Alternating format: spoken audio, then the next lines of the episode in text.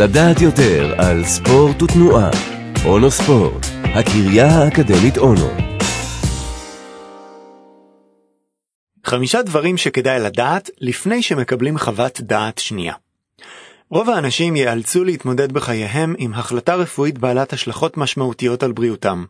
במקרים כאלה, חלק מהמטופלים נוטים לקבל חוות דעת נוספת. באוקטובר 2011 פרסם כתב העת המדעי של אוניברסיטת הרווארד מהם חמשת הדברים שצריך לדעת לפני שלוקחים חוות דעת שנייה. 1. אין סיבה לחשוש שהרופא האישי שלכם יכעס.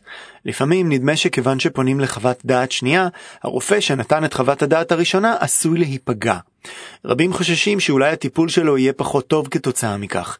על פי דוקטור גרגורי אייבל, רופא מומחה לסרטן הדם, המציאות היא הפוכה. ורוב הרופאים דווקא מברכים על חוות דעת נוספת.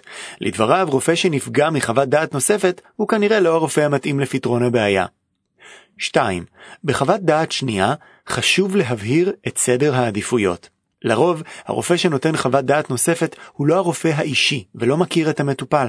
לכן חשוב מאוד שהמטופל ידגיש את הדברים המשמעותיים בעיניו בטיפול, כמו למשל חששות שיש לו מתופעות הלוואי של הטיפול. 3. חוות דעת שנייה עשויה להיות מושפעת מהראשונה. במחקר שנעשה באוניברסיטת בן גוריון בבאר שבע, וכלל מאות אורתופדים ורופאים נוירולוגיים, נמצא שהאורתופדים ימליצו על טיפול יותר התערבותי, במידה ונודע להם שבחוות הדעת הראשונה הוצע דבר דומה וההפך. בקרב הרופאים הנוירולוגיים לא נמצאה אותה התופעה. 4. חשוב לשמור על קשר בין הרופאים בחוות הדעת השונות.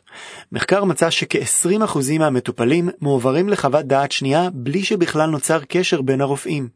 קשר כזה הוא חשוב מאוד לחוות הדעת הנוספת, מכיוון שככל שהמידע אודות הבעיה מקיף יותר, חוות הדעת תהיה מדויקת יותר. ו-5. רוב המטופלים לא מעוניינים בחוות דעת שנייה. מחקר גדול בארצות הברית מצא שלמעלה מ-70% מהמטופלים מסתפקים בחוות הדעת הראשונה שהוצעה להם.